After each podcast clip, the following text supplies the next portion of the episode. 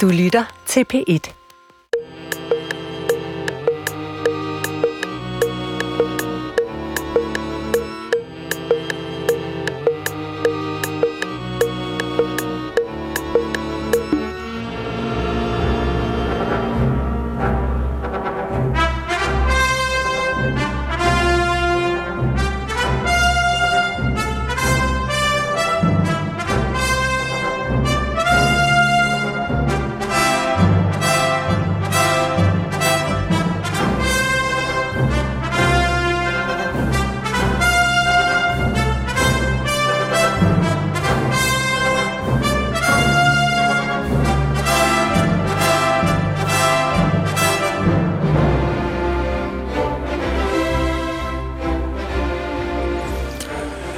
Goddag og rigtig hjertelig velkommen til Hjernekassen på PIT. Mit navn er Peter Lund Madsen, og i dag der laver vi, som mange kan høre, ud med signaturmelodien for Indiana Jones-filmene. Og den øh, konkrete, specifikke film, jeg vil slå ned på i dag, det er toeren Templets Forbandelse. Det er den svære toer, men den har jo alligevel nogle fuldstændig uforglemmelige scener. Blandt andet scenen, hvor de er øh, til, til, på besøg øh, og får serveret mange forskellige eksotiske retter øh, på et bjergpalads. Øh, og desserten i denne her middag, det er øh, frossen abehjerne. Og det er lige netop det, der bliver dråben, der får heldinden til at falde besvimet bagover. Fordi her sættes grænsen. Og det, at hun besvimer, inden hun spiser den frosne abehjerne, det er meget, meget fornuftigt. Fordi jeg vil sige, ud fra en sundhedsmæssig synsvinkel, så er en potentielt meget, meget farlig spise abehjerne. Det vil altså frossen, rå eller stegt.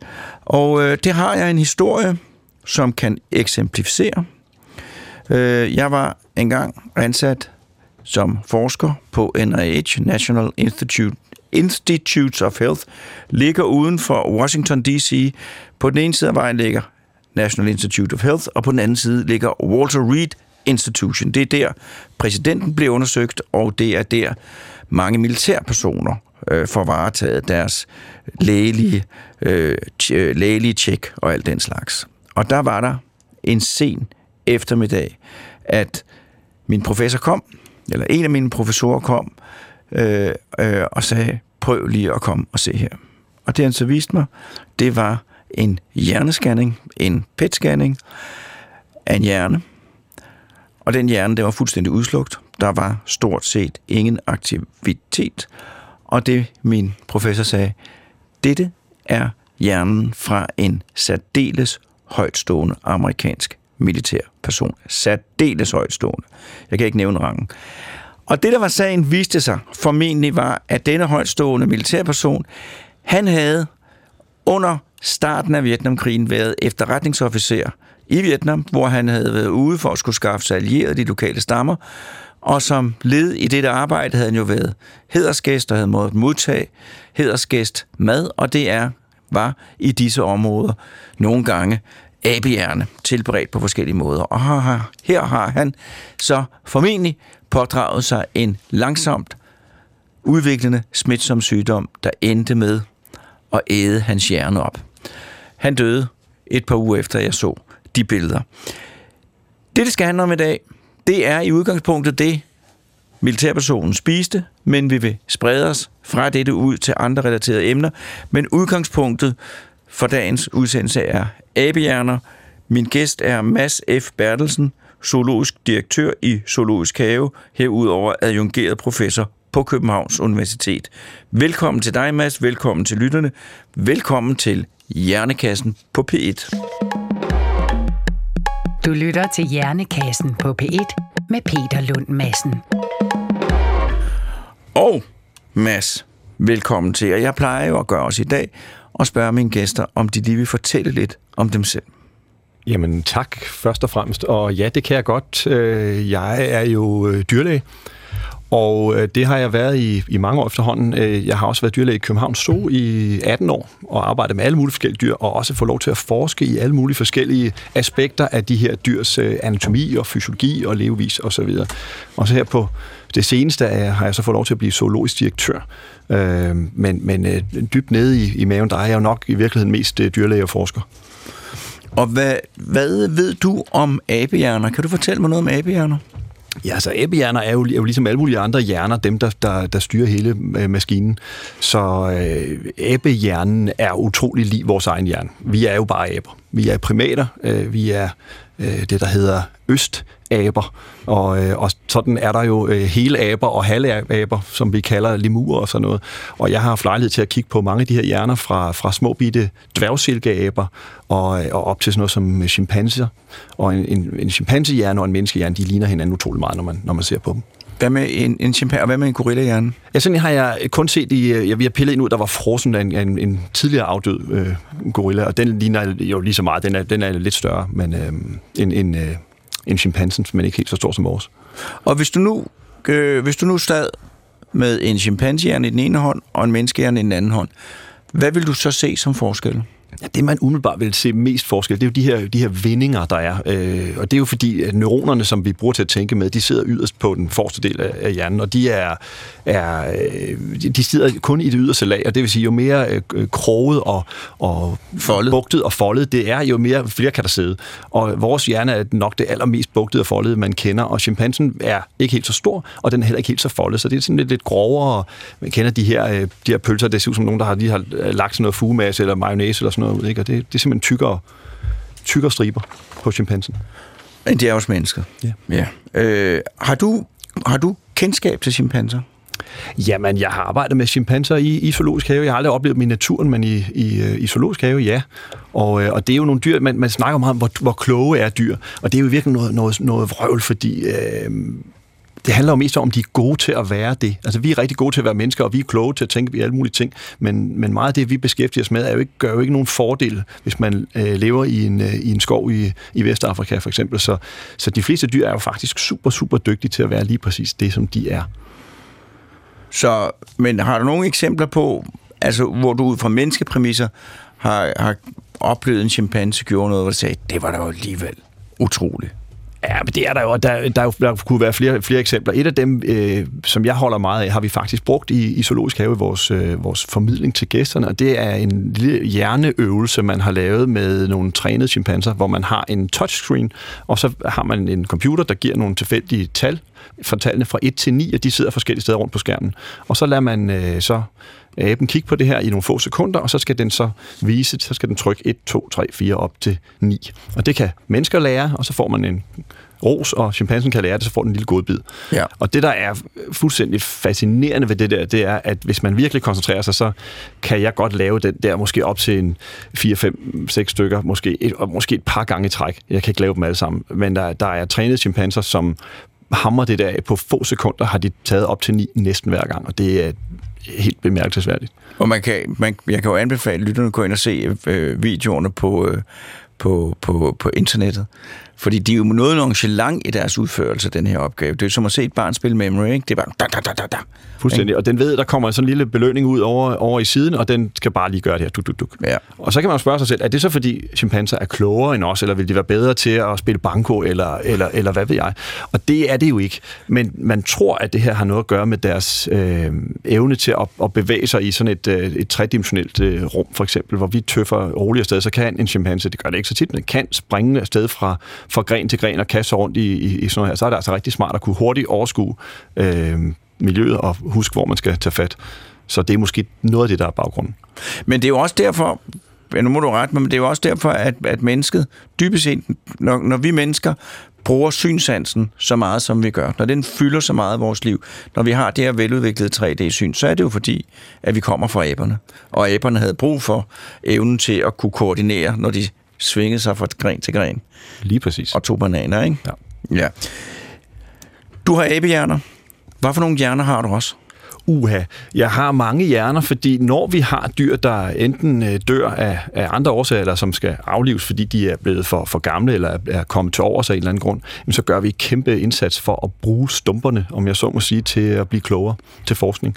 Øh, og det vil sige, at hver gang jeg overhovedet får lejlighed til det, så prøver jeg at pille, pille hjerner ud af, af de her forskellige dyr, sådan så at vi i hvert fald kan bruge dem. Og øh, det foregår på, på forskellige vis, afhængig af, om det er et, et, et dyr, der er, er død af andre årsager, hvor man bare kan dissekere hjernen ud, eller hvis den, øh, lad os sige, den er blevet aflivet, øh, det kunne være en, der havde brækket et ben, for eksempel, man afliver den, står med den øh, helt frisk, så kan man faktisk øh, perfundere hjernen, kalder vi det, altså skylle den igennem lige efter, lige efter at dyret er dødt, og på den måde lave nogle meget, meget højkvalitetspræparater, hvor man så kan du skyller den igennem med noget, noget, noget, noget formaldehyd, noget, der øh, øh, sprit, så den er... Ja, ja, man lægger i virkeligheden, man lægger et, et par, altså lige efter dyret er, er, aflivet, så lægger man et par kateter i, øh, i, i pulsårene op til, til hjernen, og så skyller man først igennem med iskoldt saltvand, så man får alt blodet ud, og får man får kølet det ned, så man stopper den forrådnelse, som jo vil ske øjeblikkeligt næsten. Og, øh, og så hælder man netop øh, parformaldehyd ind, som er ja, ligesom sprit, noget, der, der får det hele til at, at stivne og fixere, sådan så at de enkelte celler bliver ved med at se ud, næsten som de gjorde, da de var levende. Så det vil sige, at, at en stor del af de dyr, der er i zoologisk have, har fået taget hjernen ud. Øh, ja, det kan altså, man jo ikke sige. Øh, men, dyrearter. Dyrearter, ja. ja. Fordi altså, de fleste af dem, der går derude, de har vi jo endnu. Ja. Men, øh, men ja, lige præcis. Hvis vi har lejlighed til det, efter de er, er døde, jamen, så bruger vi det. Og vi har brugt mange andre stumper. Vi har studeret øh, øh deres øh, øh, nyrer og deres øh, tarme, og ikke mindst deres øjne også. Og det er altså efter synspunktet, når, når de ikke længere har brug for dem, jamen, så har vi. Og det er jo en fantastisk mulighed for at kunne sammenligne hjerner fra forskellige dyr, hvor man ved, hvordan de opfører sig, øh, og så kan man se, hvordan hænger det sammen med, hvordan deres hjerne er bygget op. Og kan du sige sådan noget grundlæggende om, om, øh, om, om opbygningen af hjerner? Altså, at er vores, er vores hjerne helt forskellig fra en abehjerne? Det er den ikke, det er så lige, men den er så helt forskellig fra en flodhesthjerne, den er helt forskellig fra en, fra en vandmandshjerne. Ja, den eksisterer ikke, men den er helt forskellig fra en øh, græshoppehjerne. Er der så noget systematik i det? Der er i høj grad systematik i det her, og, og det, som jeg har arbejdet mest med, det er altså pattedyr og fuglehjerner, og hvis vi, hvis vi nu hvis man lige lader dem hænge et øjeblik i luften, og så går tilbage, nu nævner du øh, græshopper, altså insekter, de har jo nogle meget, meget simple øh, primitive hjerner. Det er ikke noget, jeg har arbejdet med, men, men øh, det er der jo andre gode folk, der gør. og, og de ser sådan forholdsvis ens ud på tværs af, af de her af insekterne, for eksempel. Og så er der spindlere, som har noget, der ligner, og så videre. Spindler, det er... Det er æderkopper og skorpioner ja. og, og sådan nogen. Øh, men når så vi kommer op i virveldyrene, altså øh, fisk, øh, krybdyr, padder, fugle og, og pattedyr, så begynder vi at se nogle helt klare fællestræk, som, som løber hele vejen igennem. Øh, og hvor at, øh, at de primitivste af dem, om man så må sige, det er fiskene, så kommer padderne, og så kommer krybdyrene. Og så er der øh, pattedyr og fugle, som øh, man vel kan sige er lige avanceret. Der er bare en en, jeg tror jeg, en fare ved at se det som, mm, det er alt for, øh, for centreret omkring mennesket, at vi har det ypperste, og så er de andre primitive dyr. Det, det, er, det er de jo, i, i, hvis man ser på... Øh, øh, på de fylogenetiske træer og ser, hvornår har vi spaltet ud fra hinanden, ja, så er det sket for længe, længe siden, men det vender igen tilbage til det her med, at en, øh, en komodovaran, øh, ja, den har en primitiv hjerne sammenlignet med et menneske, men den har en hjerne, der er perfekt egnet til det, som den laver. Jeg skal lige sige en masse ting. Øh, det, det du siger, det er simpelthen, at der er for alle virveldyr, og det er fisk, fugle, krybdyr og, øh, og, og, og fugle, krybdyr og mennesker øh, og pattedyr, deres hjerne er principielt bygget op af de samme ting, men der er forskel på, hvor store de her ting er. Præcis. Men grundkonstruktionen er den samme. Ikke?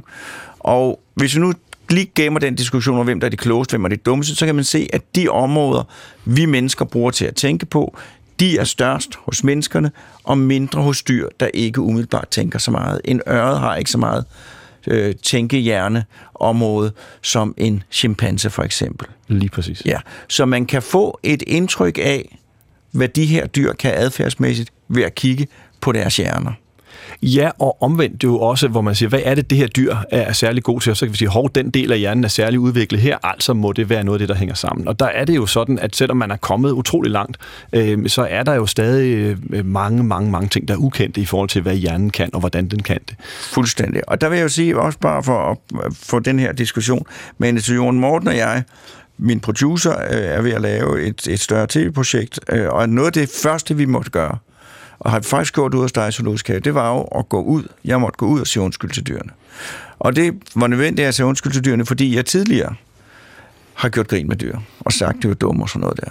Øh, og, øh, og, og det er jo, som du siger, det kan man ikke tale om på den måde. Øh, man kan ikke sige, hvad for noget slik smager bedst. Det smager forskelligt. Øh, øh, så, så, så der er nogle ting, vi hjernemæssigt er bedst til. Men hvis man nu for eksempel tager øh, et dyr som flagmusen, så kan det jo noget, som vi overhovedet ikke kan. Hvad ja. kan flagermusen, og hvordan ser man det i flagermusens hjerne? Ja, der er jo flere ting. Altså, flagermus kan jo flyve, for det første. Og, og der, allerede der. Der har allerede noget der. Og det andet, de kan, det er, at de er rigtig gode til at, få, at lave noget lyd og fortolke noget lyd og, og så videre. Så kan man jo faktisk se, at de dele af hjernen, der har at gøre dels med bevægelse, det vil sige, øh, det der hedder lille hjernen, den er, den er forholdsvis stor hos sådan en. Og så kan man se, at der er nogle centre øh, for, for hørelse, som er, er stærkt udviklet. Og på samme måde kan man se dyr, for eksempel, som er meget afhængige af deres lugtesans. Vi har studeret øh, tasmanske punktdjævle, for eksempel, som er også de har en meget udviklet øh, lugtekolbe ude foran i, i hjernen, som er langt, langt større end den, som, som vi har. Øh, også absolut, selvom deres hjerne er ganske lille. Ja, punktjævnens hjerne er ganske lille. Ja, den er, den er skuffende lille. Det, vi har snakket om et dyr her, der har på øh, størrelse med en pudelhund eller sådan noget, og, og hjernen, den er, øh, hvad skal vi sammenligne den med, en halv kiwi eller sådan noget. Øh, et meget, meget lille. Det er ikke et, et dyr, der er præget af, af, af store tanker, men den er rigtig god til at, at finde noget, der er dødt og ligger og lugter. Fordi det er ret sjovt, fordi Anders og jeg, vi var engang på Galatea-ekspeditionen, og der var vi på Hobart. Øh, nej, ikke der var vi på Tasmanien, og var ude at besøge de tasmanske djævle.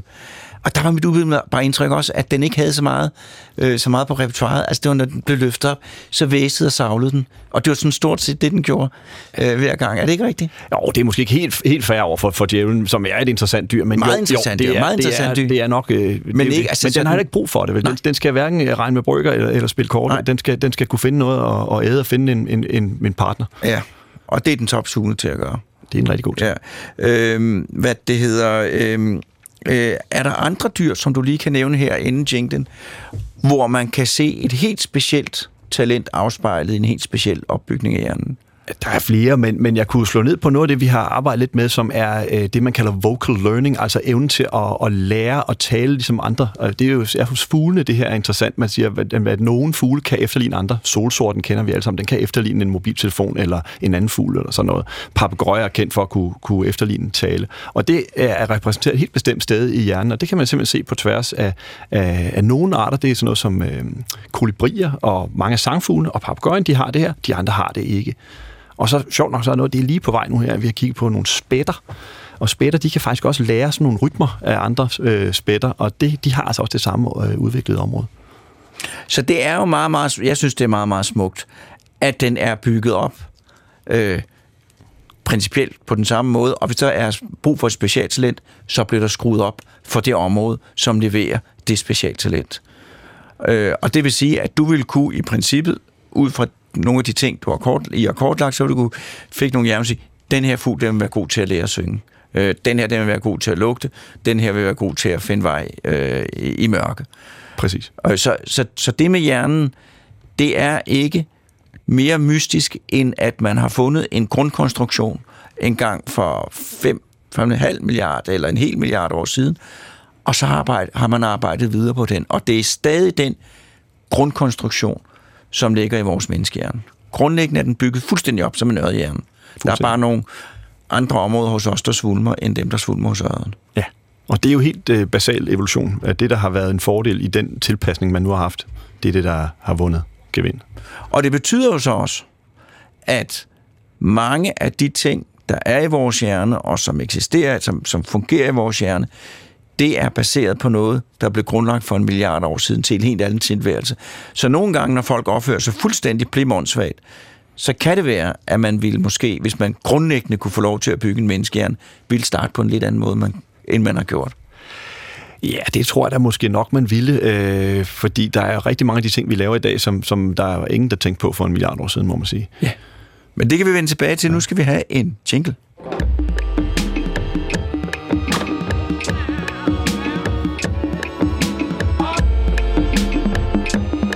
Lytter til Hjernekassen på P1 med Peter Lund Madsen. Nu taler vi om abehjerner. Vi kommer til at tale om vertebralhjerner, og, eller, eller øh, hvad hedder det? Virveldyr. Virveldyrhjerner, og det er jo alle de dyr, der har en rygmarv øh, og en ryggrad. Og det er så fisk, fugle, pattedyr, herunder også mennesker. Øh, og øh, nu taler vi om dem, og de har en hjerne, der er bygget op på principielt fuldstændig den samme måde. Det er de samme enheder, der er der. Så har vi fuglene. Fuglene er jo ikke ret meget familie med os, kan man sige. Fordi at, øh, at de udviklede sig fra øh, krybdyrene, som blev til dinosaurerne, som blev til fuglene. Så vi er i meget fjern familie. Har fuglene den samme hjerne, som vi har? Ja, grundlæggende har de jo. Altså den, igen, det, vi har de samme grundelementer, og, og igen, hvis man siger sådan lidt forsimplet, at, den, at tænkedelen af hjernen, den er forholdsvis øh, udbygget hos fugle og hos pattedyr, selvom at vi har gået to forskellige veje derhen. Men nu nævnte jeg før det her med, med det her med, øhm, med evnen til at lære tale. Det er der jo også mange øh, pattedyr, der er gode til. Og der kan man se, det, det er altså ting, der er opstået uafhængigt af hinanden, kan man sige, øh, to forskellige steder i, i evolutionen. Og det er, der jo, det er der jo mange gode eksempler på. Og, øh, og det, det er jo fascinerende på den måde, men ja, fugles hjerner ligner menneskers, men, eller pattedyrs, men er altså gået en anden vej dertil. Så, så de, de, er ikke helt forskellige, de er ikke helt ens, eller ikke helt forskellige. Kan du nævne nogle forskel mellem fuglehjernen og, og, og abehjernen? Ja, ikke, ikke sådan lige på, på stående fod. Øhm, altså udover at de, at de ser, de ser jo helt, øh, altså de ser meget forskellige ud, og det er jo også noget med fugles tilpasning til, til at kunne flyve ja. og så videre. Men jeg kan ikke øh, komme med nogle rigtig saftige eksempler på, på forskelle. Nej, det skal man heller ikke. Det er også øh, det, det er heller ikke interessant. Men det jeg synes der er interessant, og som har overrasket mig meget, fordi at jeg vil jo sige, som udgangspunkt. Øh, hvad handler det om, når man er en fugl? Det handler om at være let. Øh, og de har jo også knogler, så vidt jeg ved, som er, er, er fyldt med luft, og jeg Præcis. ved ikke hvad. Virkelig arbejder hårdt på at reducere vægt. Og så man sige, noget af det, man også vil reducere, det er hjernestørrelse. Og det kan man kigge på visse fugle og sige, der er en reduceret hjerne, hjernestørrelse, jeg nævner ikke nogen navne, øh, jeg nævner ikke nogen arter, men der er jo, og nu må du rette mig, der er jo også fugle, som hører til helt oppe blandt de dyr med den mest komplekse, den mest avancerede adfærd overhovedet. Er det ikke rigtigt? Jo, Øh, og jeg tror egentlig, at, øh, at, at det er et godt eksempel, det her med, med, med vægten, fordi fugle gør alt muligt for at reducere deres vægt. De har en anden form for nyre, så ikke de skal rende rundt med, med flydende urin, og de har, de har hule øh, knogler, de har hule fjer, de har øh, gjort mange ting for at, at gøre sig lette. Men lige præcis hjernen har de ikke, og det er ikke reduceret, og det tror jeg egentlig er bare et udtryk for, hvor vigtig den egentlig er, for hvis du, det er simpelthen den pris, du må betale. Det koster også rigtig meget energi at drive en hjerne, og især når det er en stor hjerne, og det er, det er den pris for de fordele, det giver at have de evner. Og kan du nævne nogle kloge fugle, eller nogle avancerede fugle?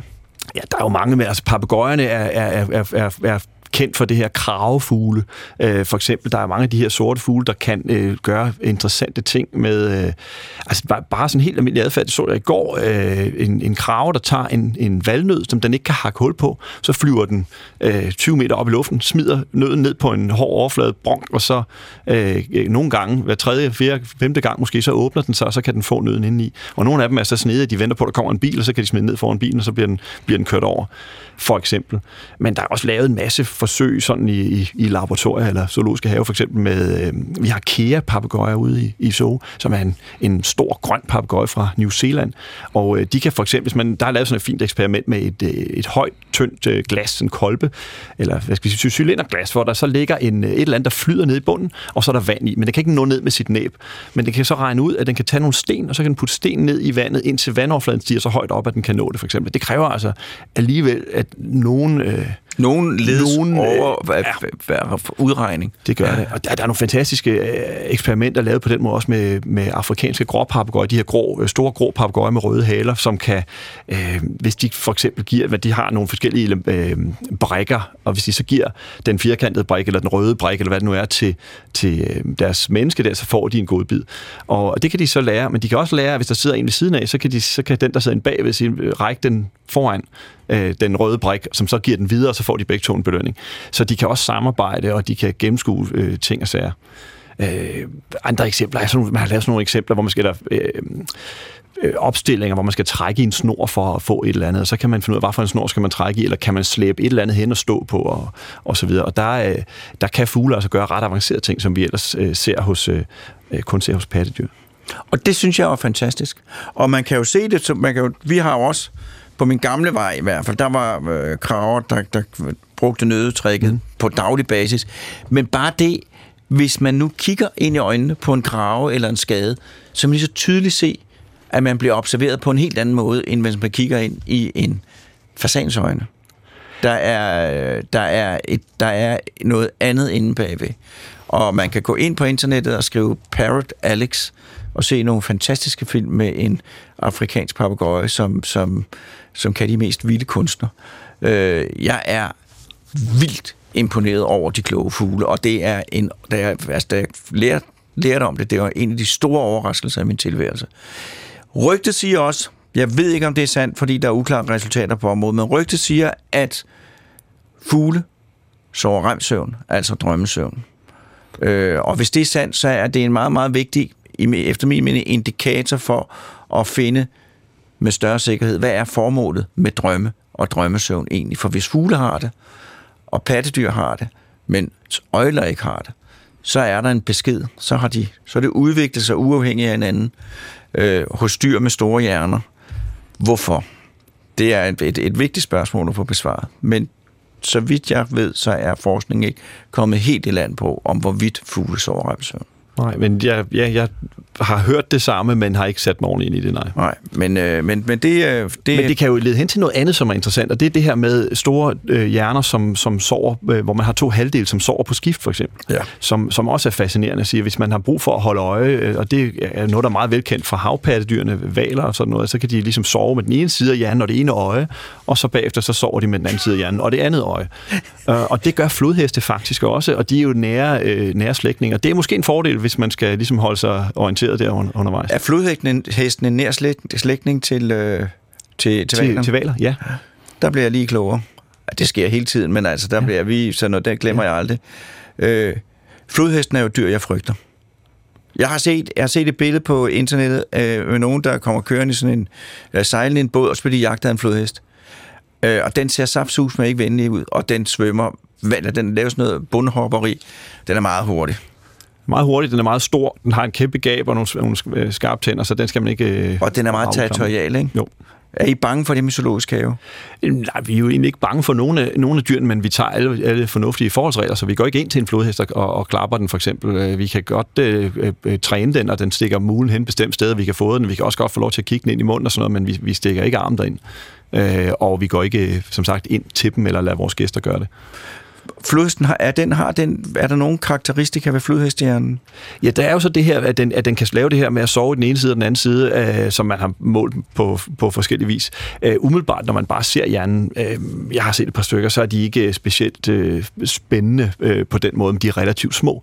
Altså man bliver overrasket over, hvor stor, altså en flodhest vejer, måske en stor hand, den vejer næsten 2,5 ton, og, og dens hjerne er, er mindre end et menneskes. Det er, det er, ikke, det er ikke imponerende øh, i vægtration. Men det er altså et fantastisk trick, det der med, så er der lige et øje åbent, ikke? og så kører den ene halvdel af hjernen slapper fuldstændig af, den anden, den, den ordner butikken. Præcis. Det er da, øh, det er ret godt klaret. Øh, det leder mig hen til hjernestørrelse.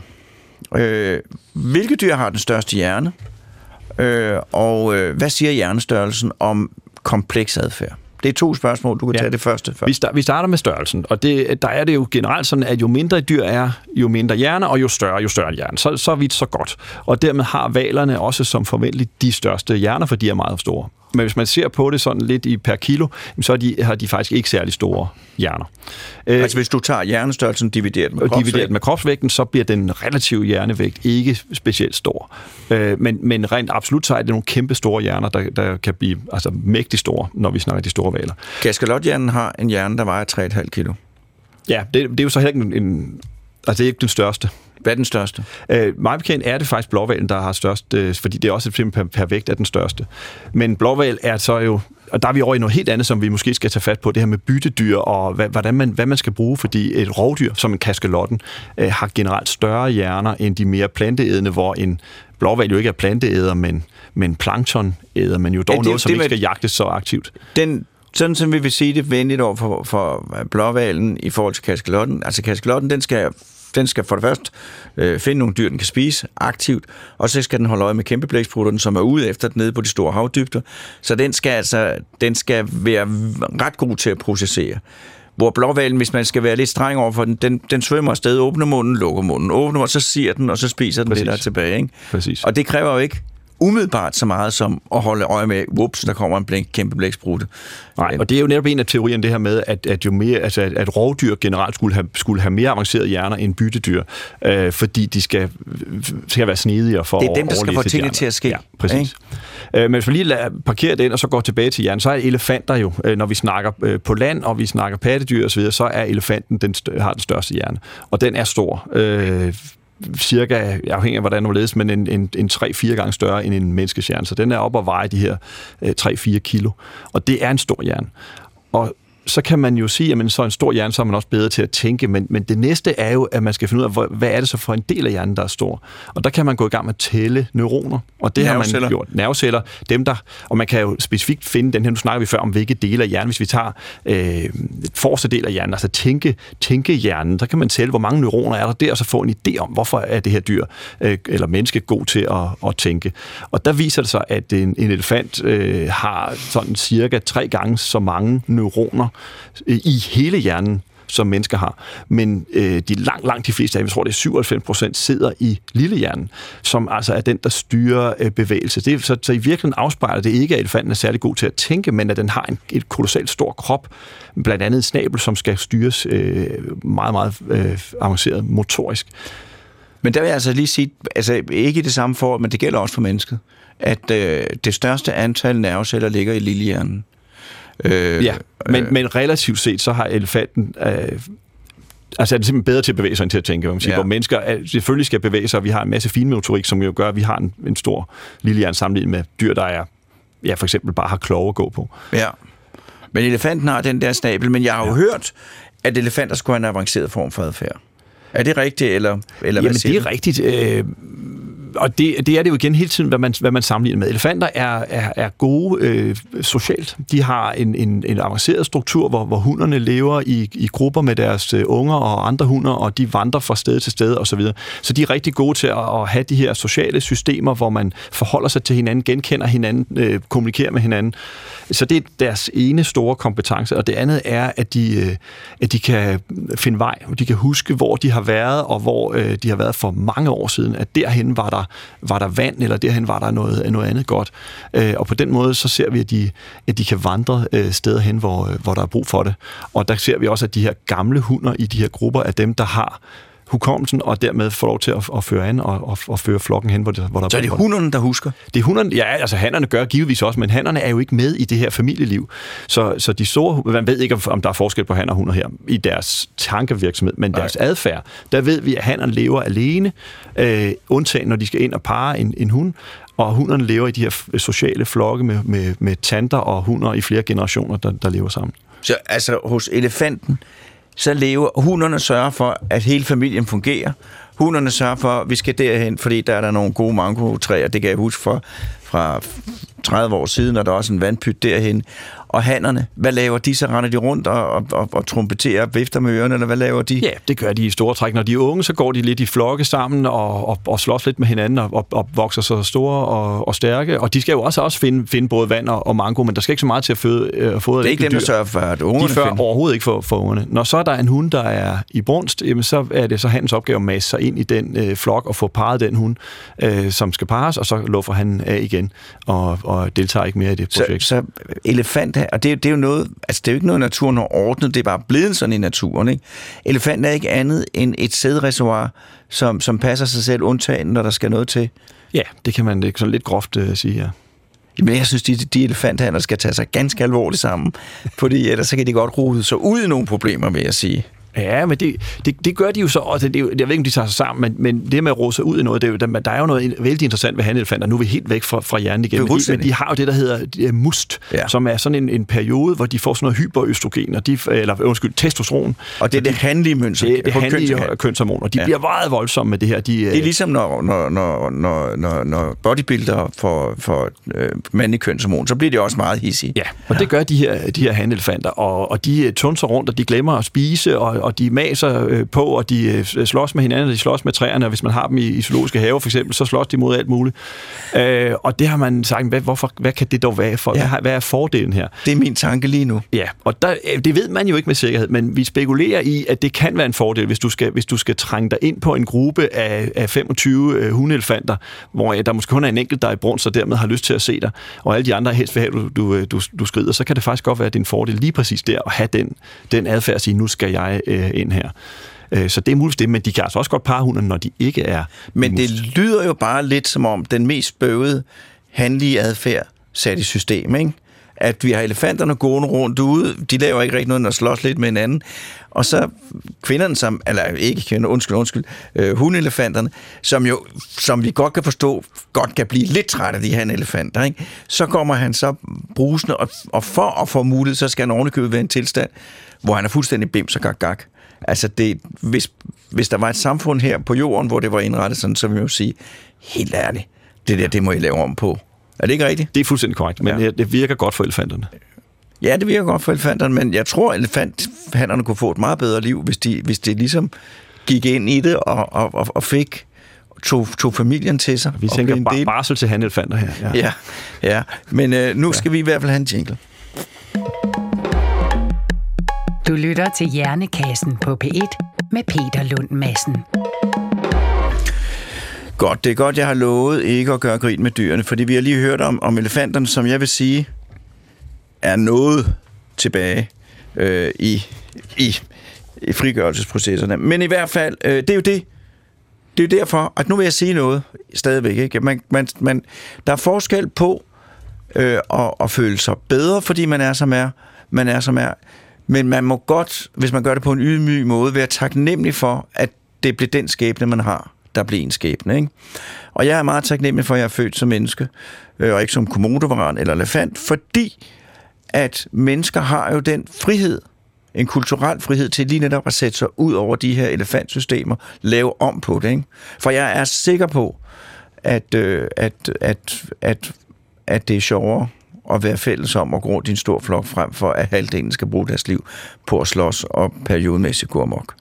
Det er bedre for alle parter. Men ikke mere med elefanter. Øhm, har dyr følelser?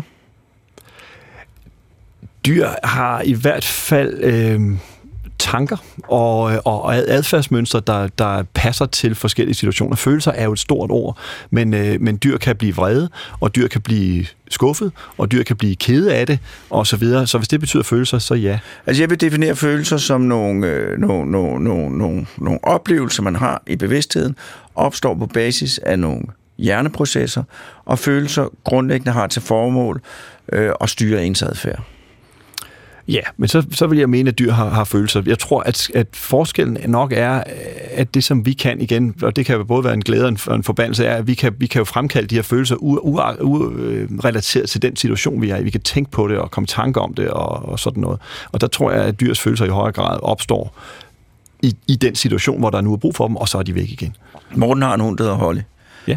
Det kan jo godt være, at Holly ligger derhjemme, og så det ved vi jo ikke, at tankerne om andre kommer lige til at tænke på en gang, hvor Morten har været specielt sød og havde købt en godpind med hjem, og så lige tænkt, det var en god dag. Eller ikke tænke, at det var en god dag, jeg nu, men bare lige bliver glad.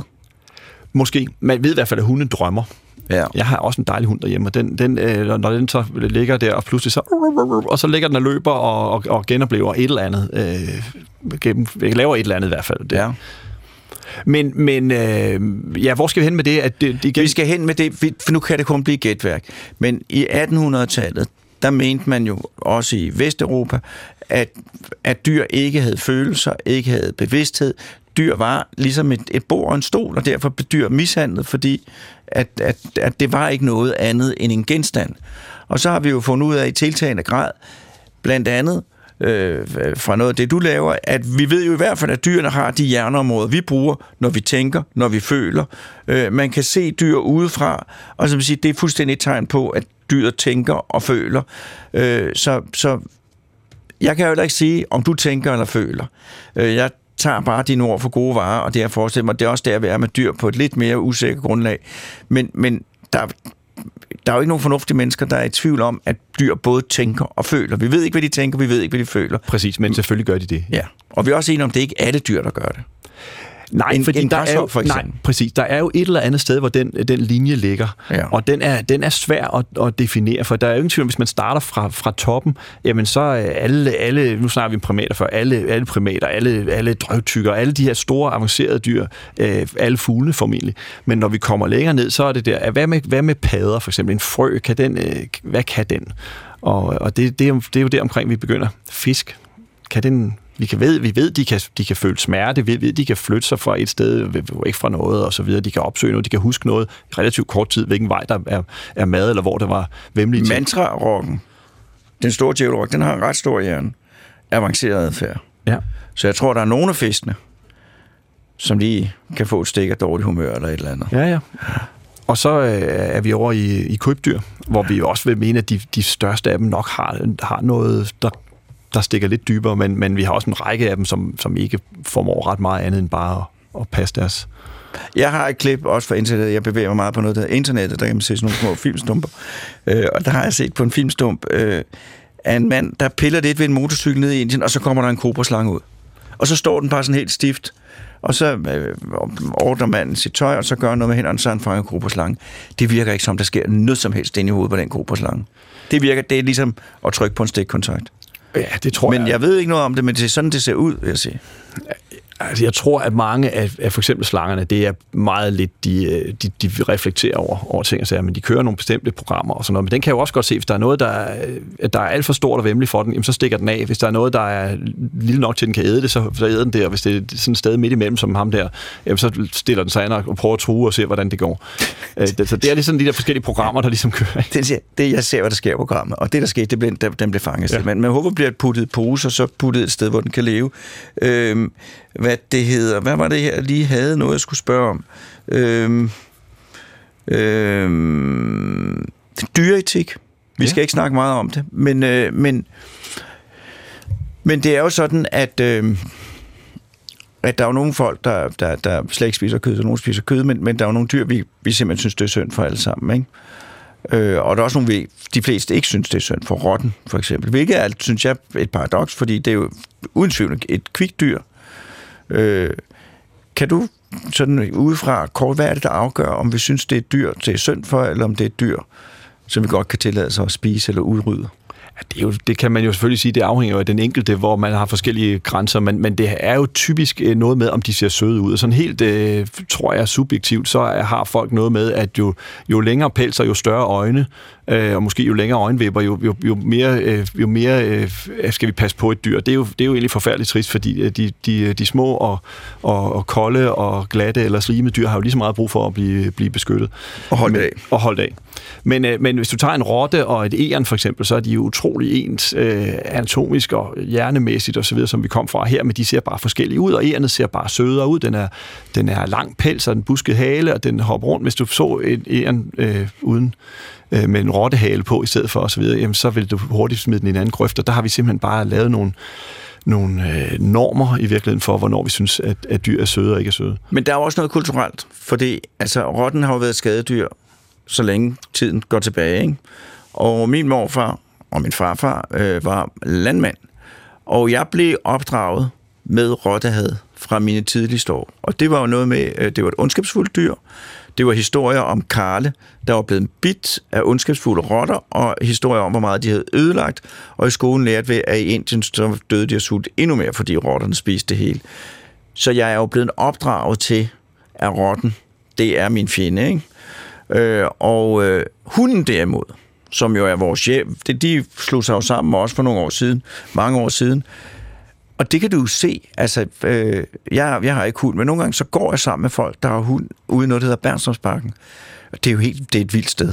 Øh, fordi der er, der er nogle mennesker, der er i, altså, der er suget ind i deres hunde omvendt på en måde, som, som, som jamen, det er sådan, det er helt absurd. Øh, det der, altså mennesker, som, som interagerer med deres hund, de taler et andet sprog, og de gør nogle ting, altså, som jeg vil ikke sige her på, på radioen, hvad de gør, men, men nogle ting, som er fuldstændig grænseoverskridende. Øh, der er en eller anden samvirkning med mennesker og hund, som ikke overgår til noget andet. Kan du fortælle mig om, du har selv hund?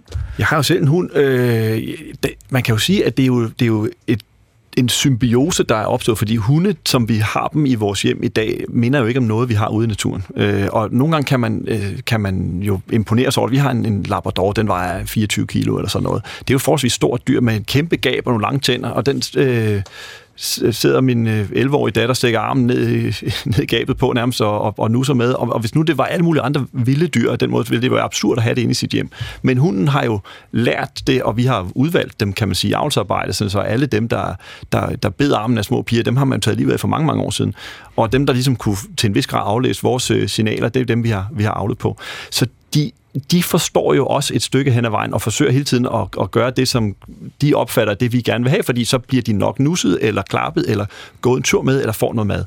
Og, øh, og man kan jo træne dem til de mest utrolige ting ved bare at have nogle små øh, tørre øh, guffer i lommen, som de, øh, som de, de får.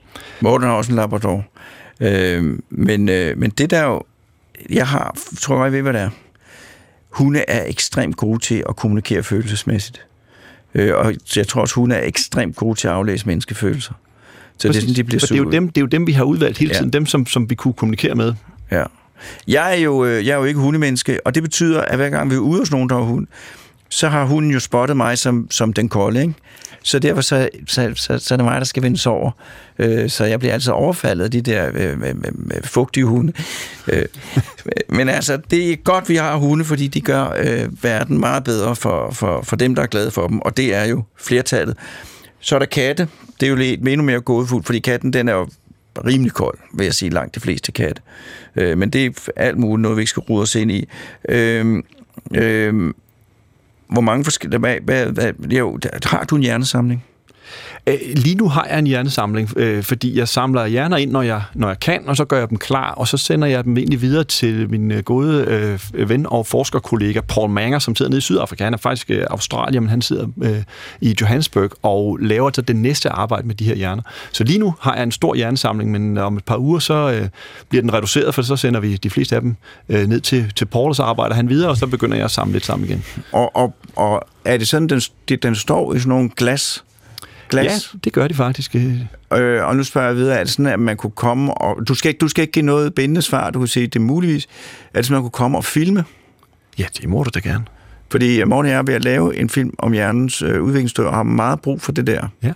Øh, det men det må vi snakke om. Det skal vi have timet ind så længe så, fordi ja. det, ja, det må øh, vi meget gerne. Ja, og det som man så får ud af, hvis du skal sige overordnet for at lidt opsummere, det du får ud af at få undersøgt alle de her forskellige hjerner, hvad er det? I bund og grund er det jo, jeg plejer altid at snakke om at lægge puslespil, fordi vi, vores opfattelse af hele, hele livet og hele biologien er som et kæmpestort puslespil, hvor der stadigvæk er utrolig mange brikker, vi slet ikke har. Og hver gang vi finder på et eller andet, finder ud af et eller andet, så får vi en lille brik, som vi så lægger, og nogle gange hænger den godt sammen med nogle andre, og nogle gange ligger den lidt og, og flyder, og man siger, hvor må den passer.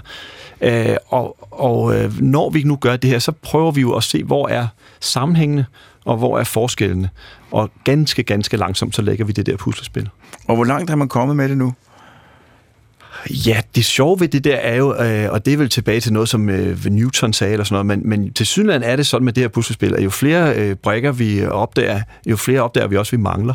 Så, øh, så man er kommet langt, men, men der er hele tiden nye, nye øh, områder. Det er ligesom et, et, et puslespil, der, der evigt øh, bliver, bliver større, så der er ikke nogen, der har lagt kanten. Altså det, som jeg synes har været dannelsesrejsen for mig, hvad angår både dyrehjerner og dyreadfærd, øh, det er jo, at både hver gang der kommer nye forskningsresultater, og også hver gang jeg lærer mere om det, der allerede er, så bliver jeg overrasket over, hvor meget dyrene kan, og hvor lidt forskel der grundlæggende er mellem mennesker og dyr. Er det en, en oplevelse, du også har? Ja, det må, jeg, det må jeg sige. Og det er jo også fordi, mennesker er jo bare dyr. Og vi har, ja, vi har en utrolig avanceret øh, hjerne, og, øh, og det er jo godt, men desværre så har vi jo øh, brugt den i mange, mange år på at gøre ting, der ikke har været særlig gode for, for hverken os selv, eller vores planet, eller vores øh, øh dyre kolleger. Og øh, på, på den måde, øh, så er det jo det, der adskiller os, fordi øh, rent anatomisk, og hvis man ser på alle mulige ting, så har vi jo nøjagtig man til, til dyrene. Så det er jo hjernen, der har været vores, øh, vores øh, velsignelse, og nok også øh, virkelig en forbandelse. Jeg tror ikke, det er en forbandelse, men det må vi tage en anden gang. Jeg tror, øh, jeg tror at vi, vi famler os frem, ligesom så mange andre, og, øh, og så begår vi fejltagelser undervejs. Der begår store fejltagelser, der begår fejltagelser hver eneste dag. Men jeg tror, at, øh, Jeg, vi, jeg, jeg tror, at, at vi, øh, vi grundlæggende ved det gode, øh, og, og at vi arbejder på det. Og vi vil alle sammen altid sidde og sige, det går for langsomt, kan ikke se det hele ved at gå galt. Øh, men, men, øh, men bevæger os i den rigtige retning, grundlæggende. Det jeg vil sige, som er forskellen på mennesker og dyr, en vigtig en, det er, at vi, altså, at de kloge, altså, hvis nu man skal, hvis man, hvis man nu er en melorm, så behøver man ikke nogen plan. Fordi man skal bare orme sig fremad. Øh, og så efterhånden, som adfærden bliver mere og mere avanceret, så skal man så vide mere om, hvad er det, jeg står for, og hvad gør jeg nu? Man skal lægge en plan. Og jeg synes, jeg kan se, at øh, jo kvikkere dyr bliver, jo bedre bliver de til at lægge planer, og jo mere langsigtet bliver de planer. Ikke? Og der er det, der adskiller, nu taler jeg om Mortens hund fra mig, det er, at jeg har nogle flere langsigtede planer end Mortens hund. Ikke? Fordi Mortens hund, hold dens plan, og det tror jeg også gælder din, det er, øh, hvordan får jeg noget kæl og klap, hvordan får jeg en godbid, øh, og hvordan får jeg mulighed for at ligge og hygge mig. Og så tror jeg sådan set ikke, der er ikke mere øh, længere sigt, lang, mere langsigtede planer. Hvor vi mennesker, vi har jo altså, altså uddannelse, der er hele tiden planer. Øh, og det gør, at vi kan, vi kan styre, styre vores, vores omgivelser i en langt større udstrækning. Det er fuldstændig, fuldstændig rigtigt. Men der er jo også dyr, der lægger planer uden at, uden at tænke over det. Altså dyr, der samler vinterforår. For vi snakker om egern før, som ja. er hvilken slags rotter. De, de, gav, de har jo et, et instinkt, vil jeg våge påstå, der gør, at de samler nødder og, og æren og ting, og så jeg gemmer det ned. De kan bare ikke rigtig huske, hvor det er, men de ved, de er i de, de her område. Og det gør de jo ikke, fordi de ved, at mm, nu bliver det nok snart koldt, og det er ikke sikkert, at der er noget og, og på træerne der osv. Det gør de, fordi det har været, at det er et program, der er ja. nedarvet. Øhm, så vi har ikke ret mange dyr, der planlægger ret langt frem. Men eren gør, men, det, det, men, det, men de, de får glæde ud af det. Øh, ja. så, så, så, så det er det. Men, men det, som, det, som man så kan sige, så er vores svaghed, og det vi snakkede om, lige talte om lige før, ikke? det er jo, at, at ikke alene vores hjerne baseret på alt muligt gammelt skram, som vi skal få det bedste ud af, den er også for så vidt mange år ting gået i stå. Udviklet. Den er udviklet for måske 100.000 år siden, har ikke rigtig ændret sig. Og de planer, vi har evne til at lægge, det er ikke de planer, vi har brug for i år. Fordi når du nu siger, det er jo garanteret noget af det, du refererer til, klima for eksempel. Hvorfor gør vi ikke noget ved klimaet? Jamen det er fordi, at der er vi enormt dårlige til at lægge planer på den måde, fordi det er ikke en fare, vi ser lige nu og her. Vi er heller ikke bange for at ryge, fordi jamen, vi holder op, inden det bliver farligt. Øh, det er nogle farer, som, som ikke bliver rigtig følelsesmæssige for mange. Og derfor så har vi svært ved at få gjort noget ved det. Ikke? Men, øh, men hvis vi tilstrækkeligt meget og tilstrækkeligt, så, så, så bliver det noget, vi får lagt en plan for. Vi skal bare sørge for, at det er den rigtige plan, vi lægger, men det er en lang anden historie. Øh, men jeg tror, hvor gode vi er til at lægge planer, så er der nogle planer, vi misser, fordi vores hjerne ikke er skabt til at være bange for noget, der sker om 30 år. Men, øh, øh, men, men, men hvis der var en kobraslange derude, så, så kan der nok være, der ville blive lagt planer. Det er at holde døren lukket. Øh, eller kan du håndtere slanger? Uh, ja, det kunne jeg nok godt. Kunne du det? Ja, en, kobra, en kobraslange ville jeg ikke øh, bryde mig om at håndtere her, uden at have noget at gøre det med. Hvis, hvis vi havde en, sådan en, øh, man, man har sådan nogle små stokke og sådan noget, man kan bruge til at, at håndtere dem lidt med. Så det kunne nok gå, men øh, hvis det lige kom her, nej, det ville jeg ikke være klar til. Nej, det vil jeg heller ikke. Men er du bange for dyr generelt? Det er sidste spørgsmål. Øh, nej, det er jeg ikke. Jeg kan være bekymret for dyrenes fremtid, og vores fremtid, som vi snakker om før, men øh, ja, der er heldigvis masser af gode folk, der arbejder på at, at få gjort noget ved det. Dyr som sådan, det er jeg ikke bange for, nej. nej. Jeg, jeg har været meget, meget glad for at have dig her, og det kan også godt være, at jeg gerne vil have, at du kommer på besøg, på besøg en, en anden gang. Øh, og jeg er sikker på, at det arbejde, du laver med at være med til at kortlægge dyrehjernens anatomi, øh, og dermed også understrege, hvor meget de minder om os. Øh, der er du også med til at ændre vores, øh, vores opfattelse af, hvordan verden hænger sammen, øh, og om, at, øh, at, øh, at vi er tættere forbundet, end man lige skulle tro. Øh, og dyr gør og tænker nogle af de samme ting, som vi gør. Øh, og så vil jeg bede dig om at hilse din hund, øh, og, øh, og give den en god bid. Tusind tak, fordi du ville komme. Næste gang, så bliver vores gæst Johnny Reimer, øh, og øh, som forberedelse kan jeg for, foreslå, at man går ind og kigger på en CV. Johnny Reimer er en mand, der virkelig har været dygtig og kvalificeret i sit liv. Jeg glæder mig meget til at modtage ham som gæst her. Og så vil jeg sige tak til Morten for at være producer på Genhør om en uge.